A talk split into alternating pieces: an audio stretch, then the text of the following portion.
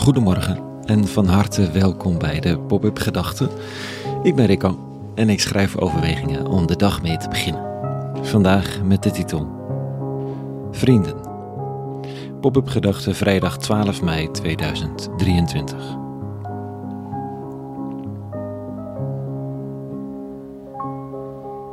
Te pas en te onpas wordt het woord gebruikt, vrienden.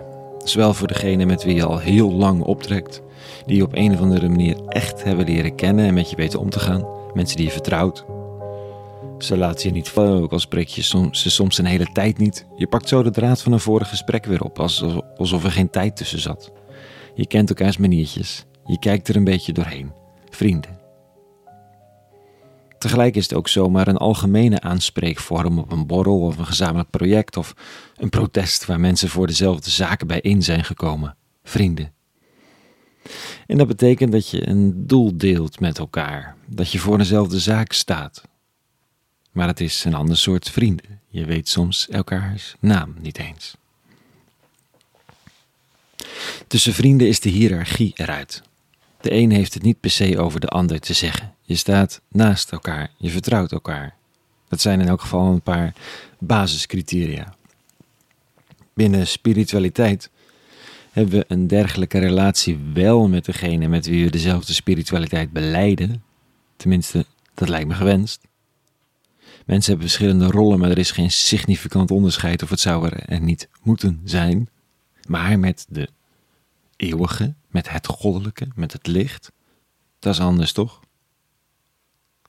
Maar de rabbi, de naamgever van een van de wereldgodsdiensten, het christendom, zegt in de lezing van vandaag er iets over. Er staat: Ik noem u geen dienaars meer, want de dienaar weet niet wat zijn Heer doet. Maar u heb ik vrienden genoemd, want ik heb u alles meegedeeld wat ik van de Vader heb gehoord. Aldus Jezus van Nazareth. Het onderscheid tussen degene die alles weet en de leerlingen is wat weggevallen.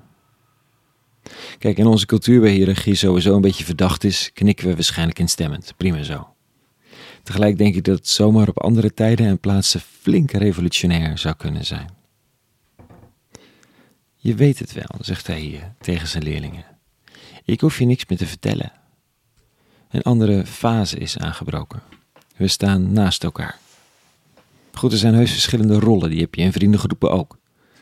En als er vriendschap ontstaat tussen collega's, vallen de rollen nog niet weg, maar er is vertrouwen, wederzijds. Dat je elkaar kunt aanspreken, dat de ander weet wat hij of zij doet, dat je nieuwsgierig bent naar wat de ander te zeggen en te doen heeft. Dat wederzijdse respect tussen de rabbi, beeld van God op aarde, zoals dat dan heet, of de zoon van God, en de leerlingen, dat is wel een uniek plaatje. Het lijkt een beetje op die ene mystieke aartsvader, nog. Hij wandelde met God, werd er gezegd. Hij stierf niet eens, maar werd in de hemel opgenomen, zo staat er. Alsof hij de ene dimensie uitwandelde de andere in. Al keuvelend met de eeuwige over wat er dan ook in hun vriendschap op dat moment belangrijk was. Spiritualiteit is in de kern ongelijkvloers. Er is een bron, een hogere of diepere waarheid of aanwezigheid. En je hebt dan de mens, wijzelf, zoekend en soms vindend, die het leven stapje bij stapje ontdekt en wat leert begrijpen. Maar de ongelijksvloersheid is er niet een van slaafsheid of dienstbaarheid. Dat is niet de ziel, noch de bestemming. Het is er een die uit is op vriendschap, een vertrouwde omgang, verbinding met dat goddelijke licht.